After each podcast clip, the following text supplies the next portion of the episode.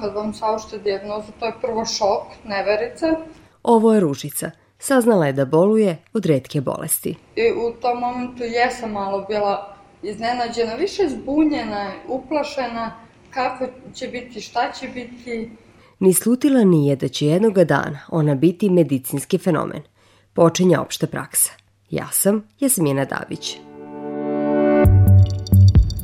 Ružica živi u maloj vojvođanskoj sredini, u Očecima. Za tamošnje lekare njeno povraćanje, gubitak kilograma, dijareja, noćno znojenje nisu bili dovoljni da bi prepoznali bolest. Tamo je tek neka bolest koja nije svakodnevna jako tabu tema i e, smatraju se odmah nekako čudnim Ružicu su dve godine mučile stomačne tegobe. Onda je upućena u klinički centar Vojvodine kod doktorke Ivana Urošević, hematološkinje. Pa ona tad nije imala neke, neke što kaže, ozbiljnije simptome, sem što je imala tu neku, neki osjećaj tegobe u stomaku zbog uvećane slezine. I ona je u stvari ovde kod nas došla zbog ekstremno uvećane slezine. Normalna slezina je veličine pesnice. A ružicina? Ona je imala uvećanu slezinu, ceo, znači lev, leva polovina stomaka preko 20 cm. Tako narasla slezina pritiskala je ružicine druge organe u stomaku i stvarala je mučan, težak osjećaj. Umeđu vremenu su iskomplikovalo pa je moralo da se radi splanektomija, znači e, vađenje slezine i tada je započeta i diagnostika i naravno u tom momentu smo je postavili, mi to zovemo neka hronična mijeloproliferativna bolest i vremenom se pokazalo da jeste to primarna mijelofibroza.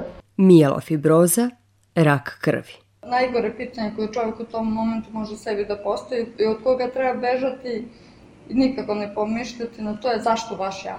To je pitanje koje uglavnom u biopsiku obolelih. Umesto da se preispituje, Ružica je obećala sebi i porodici da se neće predati.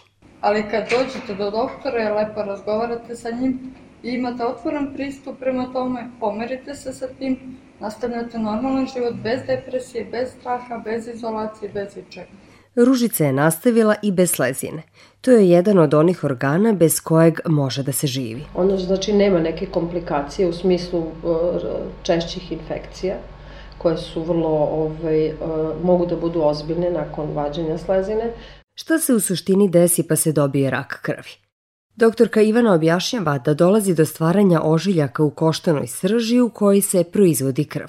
I kao posledica toga što nemate adekvatnu stvaranje krvnih ćelija, mislim na belu e, krvnu lozu, mislim na eritrocite i trombocite, e, pacijenti imaju anemiju, imaju možda u početku leukocitozu, znači povećan broj, pa kasnije i smanjen broj leukocita. Mielofibroza je, pored leukemije, jedna od najtežih hroničnih bolesti. Ružica je mlada obolela. Ona je imala 27 godina ovaj, kada smo joj postavili diagnozu i onda to traje. To je od 10-12 godina kako smo mi u tome i bude naravno uvek u fazama, to nije laka bolest. Doktorka Ivana navodi da su od mielofibroze pacijenti umirali u roku od 5 do 7 godina. Novi lekovi – nada su da će pacijenti duže živeti. Samim tim e, što, što, što su znači bolesti koje se više javljaju kod starih ljudi, ako se jave kod mlađih, oni imaju i agresivni tok. Međutim, kod nje mi zaista nekako smo sa tom terapijom ovaj, postigli da ona ima prilično kvalitetan život. Ružica ne samo da ima kvalitetan život, nego je jedina žena sa ovom bolešću za koju naši lekari znaju da čeka bebu isto kao što je bio šok 2007. kad smo saznali diagnozu, u negativnom smislu šok, sad je isto tako bio pozitivan šok, ali jako brzo se čovjek navikne na lepe stvari. Koliko vas je iznenadilo saznanje da će postati majka? Ekstremno. Ekstremno i stvarno u tom momentu prvo je bila opcija da naravno se isključi uh, lek koji ne sme da se daje u trudnoći i, i, i u dojenju. Uh, i onda postavilo se pitanje čime ćemo sad uh, terapijski uh, imati, što kažu, opciju za njeno lečenje. Ružica se lečila na mnogo načina da bi poslednjih godina dobila savremenu inovativnu terapiju. Zbog trudnoće ne može da prima tu terapiju, nego sama kupuje lekove. To je interferon, čija je proizvodnja, nažalost, prestala u našoj zemlji i jedini način koji mi kao pacijenti imamo, ili su doktori nemoćni, fond i bilo koja institucija, je da sami sebi kupujemo inostranstvo. Primera radi, ja sam u Mađarskoj našla interferon za sebe. Ružica danas ima 39 godina. U braku je bez dece.